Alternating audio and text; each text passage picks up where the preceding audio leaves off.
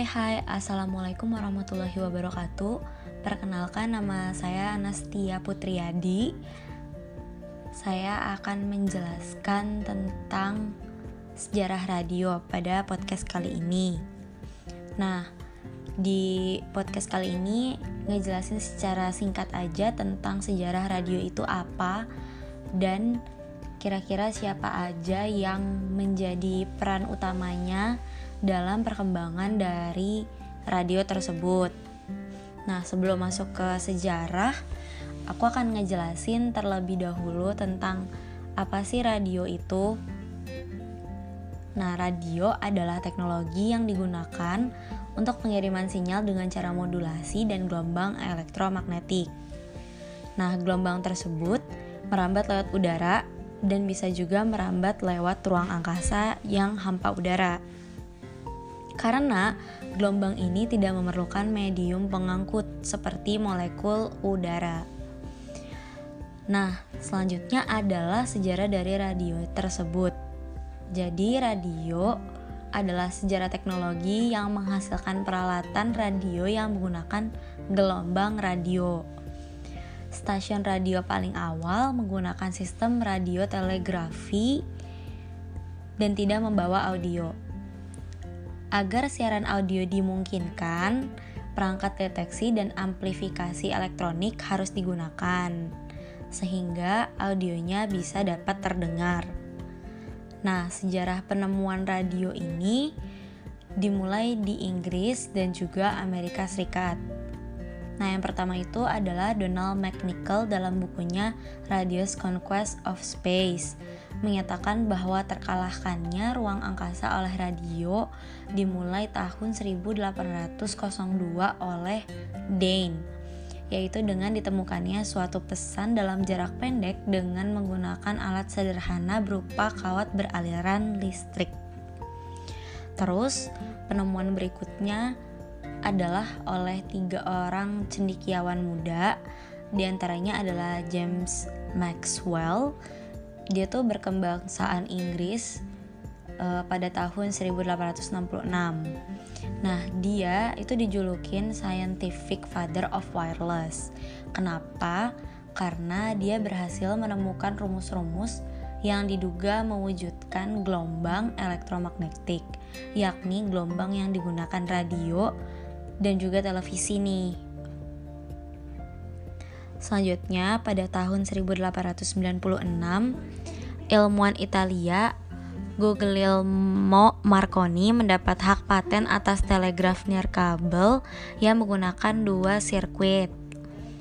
Pada saat itu, sinyal ini hanya bisa dikirim pada jarak dekat. dekat. Nah, jadi nggak bisa tuh dengan menggunakan jarak jauh dia hanya bisa atau dia hanya mampu digunakan untuk mengirimkan uh, audio pada jarak dekat aja.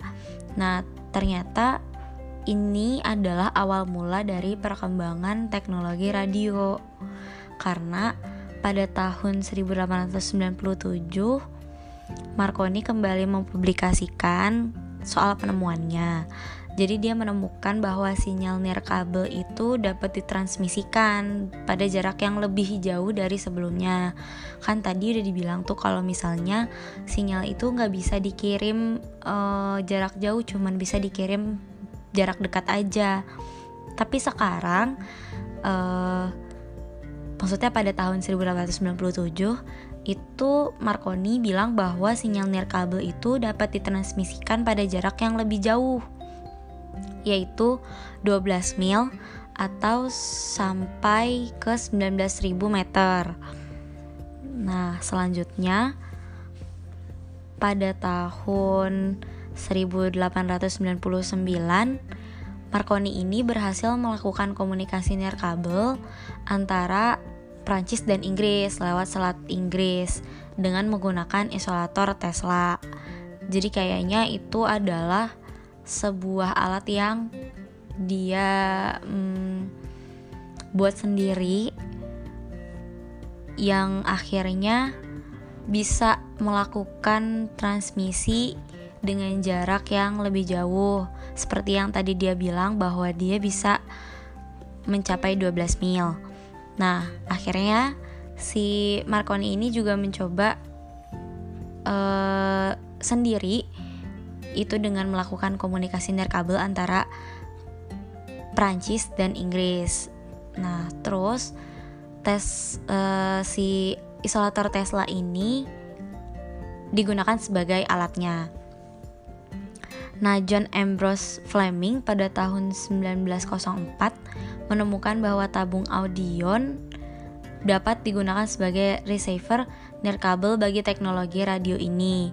Jadi, uh, John ini menemukan bahwa sebenarnya ada alat yang bisa digunakan sebagai uh, penangkap sinyal atau penangkap audio bagi teknologi radio yang baru ini. Jadi John ini memperbarui lagi apa yang sudah dikatakan oleh Marconi atau apa yang sudah ditemukan oleh Marconi sehingga akhirnya dia menemukan ada receiver untuk nirkabel dan juga teknologi radio tersebut. Nah, setelah itu perkembangannya nggak terus uh, berhenti nih jadi terus berkembang dari mulai yang dia nggak bisa nerima jarak jauh dan cuma nerima jarak deket doang akhirnya dia bisa nerima jarak jauh terus yang tadinya nggak ada receiver akhirnya dia ada receiver dan akhirnya dua tahun kemudian setelah ditemukan sama John ada tabung audion itu di uh, dua tahun kemudiannya, Dr. Lee De Forest menemukan tabung elektron yang terdiri dari tiga elemen atau triode audion. Nah, ini uh, penemuan ini tuh memungkinkan gelombang suara ditransmisikan melalui sistem komunikasi nirkabel. Ini masih dalam komunikasi nirkabel nih, tetapi sinyal yang ditangkap masih sangat lemah. Jadi, uh, ini udah mulai memperbarui ke arah modern cuman sinyal yang ditangkap itu masih sangat lemah dan masih banyak noise atau distorsi distorsinya sehingga akhirnya diberitahukanlah bahwa ada uh, sesuatu yang bisa membuat sistem tersebut jadi lebih modern cuman sinyal yang ditangkapnya tuh masih lemah banget masih tidak sebagus uh, apa ya radio-radio pada umumnya. Terus barulah uh, pada tahun 1912 ini Edwin Howard Armstrong menemukan penguat gelombang radio. Nah, penguat gelombang radio ini disebut juga radio amplifier. Jadi dia itu menjadi uh, penguat gelombang radio setelah si Dr. Lee DeForest itu menemukan bahwa ada tiga tabung elektron atau triode audition yang bisa me, apa ya melakukan transmisi tapi sinyalnya yang ditangkap tuh masih sangat lemah. Akhirnya si Edwin ini atau ya Edwin ini menemukan penguat gelombang radio yang disebut juga sebagai radio amplifier mungkin sekarang juga masih sering digunakan. Nah, alat ini bekerja dengan cara menangkap uh, sinyal balik dari tabung. Dengan begitu, kekuatan sinyal akan meningkat sebanyak sebanyak 20.000 kali per detik. Suara yang ditangkap juga jauh lebih kuat sehingga bisa didengar langsung tanpa menggunakan earphone. Jadi, kalau misalnya radio lama tuh dengerinnya harus jelasnya pakai earphone tapi ini tuh enggak gitu ini tuh bisa jauh lebih kuat dan jernih didengarnya dibanding penemuan penemuan-penemuan pada saat si Edwin ini belum menemukan ada radio amplifier. Nah, penemuan ini kemudian menjadi sangat penting nih dalam sistem komunikasi radio. Kenapa? karena radio jauh lebih efisien dibanding alat terdahulu. Meskipun demikian, hak paten atas amplifier ini jatuh ke tangan Dr. Lee DeForest. Jadi, yang sebenarnya menemukan kan aslinya Edwin Howard Armstrong. Nah, cuman ternyata hak patennya nggak jatuh ke dia. Kayak orang tidak menganggap bahwa dia yang telah menemukan gelombang radio, uh, penguat gelombang radio atau radio amplifier. Tapi orang-orang mengakui bahwa si radio amplifier ini ditemukan oleh Dr. Lee DeForest tadi yang bilang bahwa ada tabung elektron yang dapat apa ya menampung gelombang suara di, yang bisa ditransmisikan melalui sistem komunikasi nirkabel. Dan dokter Lee ini bilang bahwa sinyalnya yang ditangkap masih sangat lemah. Cuman orang-orang tuh nggak percaya bahwa Edwin inilah yang menemukan adanya penguat dari sinyal yang ditangkap oleh si tabung gelombang tersebut, yaitu radio amplifier. Akhirnya yang mendapat hak paten atas amplifier ini adalah Dr. Lee DeForest. Terus, penggunaan radio sebagai alat atau media komunikasi masa pada awalnya diperkenalkan oleh David Sar Sarnoff. Namanya David Sarnoff. Nah, dia itu seperti yang tadi aku jelasin, dia itu menggunakan radio sebagai alat atau media komunikasi massa untuk uh, diperkenalkan gitu loh pada tahun 1915. Nah, karena 1915 itu orang-orang belum banyak yang tahu apa sih radio dan fungsinya apa, kegunaannya apa dan lain-lain. Jadi akhirnya David Sarnoff yang pada saat itu udah tahu, akhirnya dia memberitahukan kepada semua orang yang ada di situ bahwa ada loh alat media komunikasi massa yang bisa kita gunakan sehari-hari, yaitu adalah radio. Nah, selanjutnya kembali lagi ke Dr. Lede Forest melakukan eksperimen nih siaran radio yang telah menyiarkan kampanye pemilihan presiden Amerika Serikat pada tahun 1916 sehingga ia dikenal sebagai pelopor penyiaran radio. Jadi setelah tadi dia mengambil hak paten dan sebelumnya juga dia menemukan bahwa ada tabung gelombang audio yang bisa menangkap sinyal transmisi tapi masih sangat lemah akhirnya dia melakukan eksperimen lagi yaitu melakukan eksperimennya dengan cara melakukan siaran radio yang telah menyiarkan kampanye pemilihan presiden Amerika Serikat. Jadi nggak tanggung-tanggung dia langsung bereksperimen dengan cara menyiarkan kampanye pemilihan presiden pada masa tersebut, yaitu tahun 1916. Jadi sehingga akhirnya si Dr. Lede Forest ini dikenal sebagai pelopor penyiaran radio gitu. Nah, awalnya tuh sinyal pada siaran radio ditransmisikan melalui gelombang itu data yang kontuan baik melalui modulasi amplitudo AM maupun modulasi frekuensi FM. Jadi dulu tuh masih ada modulasi amplitudo atau AM dan juga modulasi frekuensi atau FM. Kan kalau sekarang lebih banyak menggunakan FM ya dibanding AM. Uh, mungkin ada beberapa juga sih pasti yang masih menggunakan AM cuman kayaknya kalau kita dengar uh, sekarang sehari-hari lebih banyak yang menggunakan FM. Nah, setelah itu metode pengiriman sinyal seperti ini disebut analog. Nah, analog ini uh, menjadi sebuah apa ya? Kayak uh, arus arus sinyal sebelum ditangkap atau mungkin bisa juga setelah ditangkap. Jadi si sinyal itu dikirimkan tadi dari si yang menyiarkan. Nah, itu disebut analog.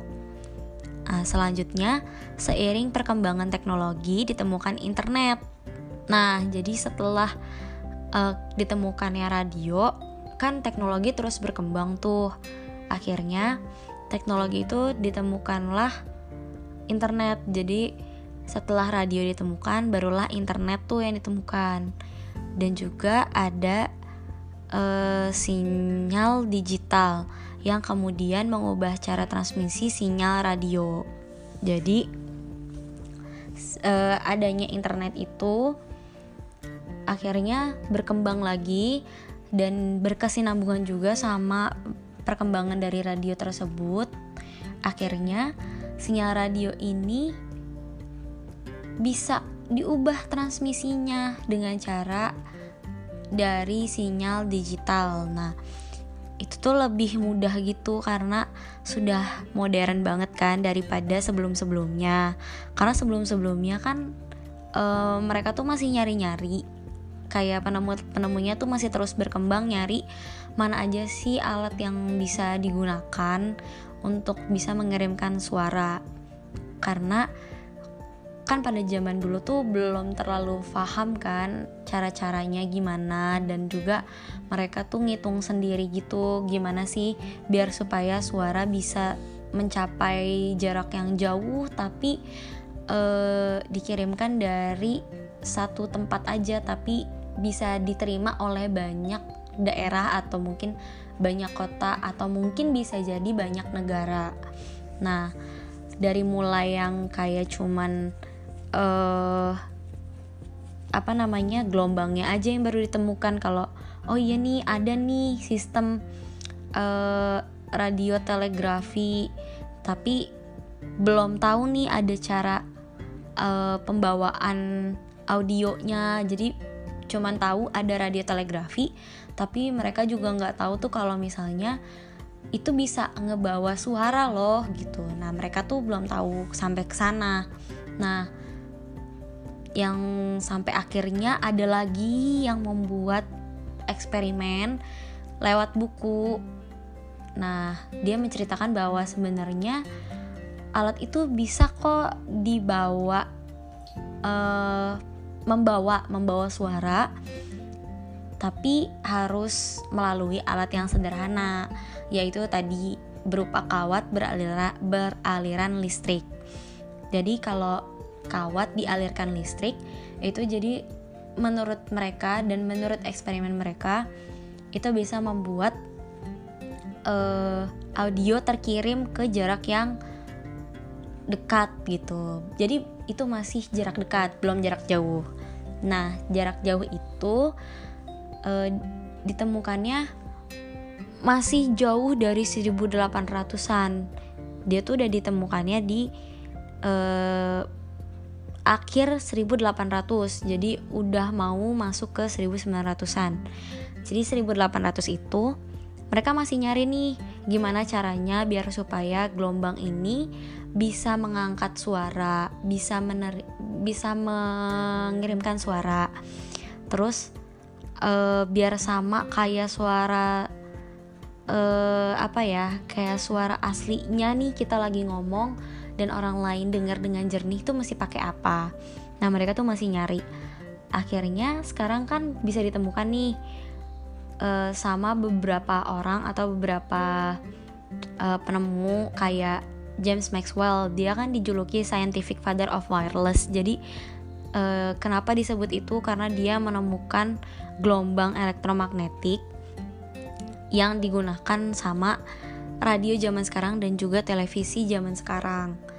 Jadi dia tuh bermain dengan rumus rumus kayak fisika gitu untuk bisa menemukan gelombang apa sih yang e, bisa menemukan uh, bisa mengangkut banyaknya suara yang kita produksi gitu. Sampai akhirnya eksperimen ini berlanjut ke Italia tadi yang seperti aku jelaskan di awal untuk mendapatkan sinyal atau misalnya untuk mendapatkan suara yang jernih itu tuh sebenarnya bisa tapi ternyata ilmuwan Italia ini cuman bisa dapet rumus jarak dekat aja. Jadi audionya tuh bisa dikirim tapi cuman pada jarak dekat aja. Nah perkembangan radio itu terus-terusan berkembang dari penemuan itu. Jadi pada penemuan yang oh ternyata bisa audio tuh dikirimkan uh, jauh dengan jarak uh, dengan jarak yang lumayan jauh meskipun hitungannya masih jarak dekat. Nah, akhirnya dikembangkan lagi, difikirkan lagi, dihitung kembali. Gelombang ini sebenarnya bisa nggak sih dimuat dengan jarak yang sangat amat jauh? Ternyata akhirnya bisa karena jarak yang jauh menurut penelitian dan hitung-hitungan itu jaraknya sekitar 12 mil. Nah, terus akhirnya mereka nyari lagi nih, tapi kok penerimaannya masih kurang ya gitu. Masih belum bagus, masih uh, ya masih standar, masih masih kresek-kresek gitu loh ibaratnya. Jadi akhirnya mereka menemukan lagi bahwa ada receiver nih, ada receiver ada receiver yang dapat menangkap gelombang tersebut. Sampai akhirnya ada orang yang menemukan uh, bahwa alat tersebut atau misalnya receiver tersebut ternyata berhasil, tapi uh, sinyal yang ditangkap itu nggak kuat, jadi cuma sinyal yang lemah aja yang bisa ketangkep. Atau hasilnya juga sangat lemah, jadi tuh suaranya masih sama tapi agak lumayan lebih bagus dibanding sebelum-sebelumnya. Sampai akhirnya ada satu orang yang menemukan uh, alat penguat gelombang radio. Nah, akhirnya alat penguat radio ini, penguat gelombang radio ini terus digunakan sampai sekarang karena sinyal yang uh, ditangkap itu kekuatannya akan meningkat sebanyak 20.000 kali per detik jadi saat kita ngomong tuh sinyalnya udah hampir sama dengan kita lagi ngomong secara langsung gitu. Akhirnya adalah satu orang ini memperkenalkan apa sih itu radio? Karena kan masih banyak banget yang belum tahu pada zaman itu. Kalau ternyata kita bisa mengirimkan suara dengan sangat bagus loh melalui penggunaan radio.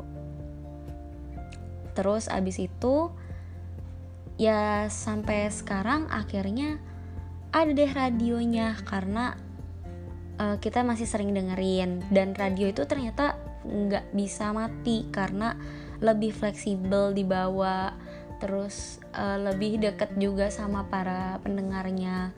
Karena kan kalau televisi uh, deketnya cuma sama audiens yang live-nya aja kan. Kalau radio kan meskipun si orang yang mendengarkan gak satu tempat sama penyiarnya tapi mereka masih bisa diajak untuk ngobrol, bisa diajak untuk diskusi dan lain-lain.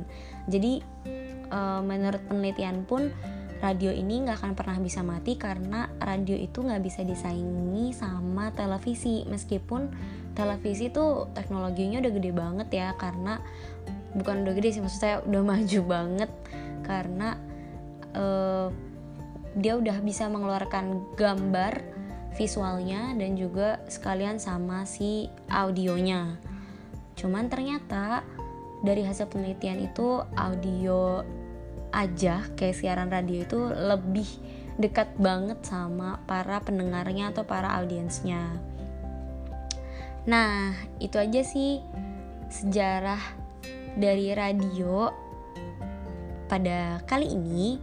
Jadi semoga ini bisa bermanfaat buat kalian, bisa juga di um, catat siapa tahu kalian uh, pengen belajar lebih lanjut tentang apa sih radio itu.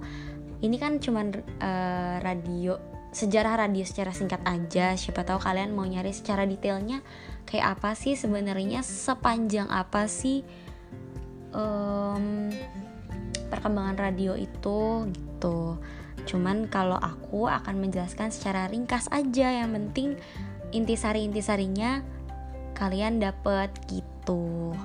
Nah uh, kita udah sampai di penghujung podcast nih. Kan tadi aku udah ngejelasin dari sejarah radio. Sekarang um, aku pengen kalian yang nyari deh sejarah radio lebih lengkapnya apa. Nanti kalian bisa mungkin DM aku di Instagram atau mungkin uh, bisa juga nanti request request request di aku. Ya semoga ini bisa bermanfaat buat kalian. Sampai ketemu lain waktu. Assalamualaikum warahmatullahi wabarakatuh.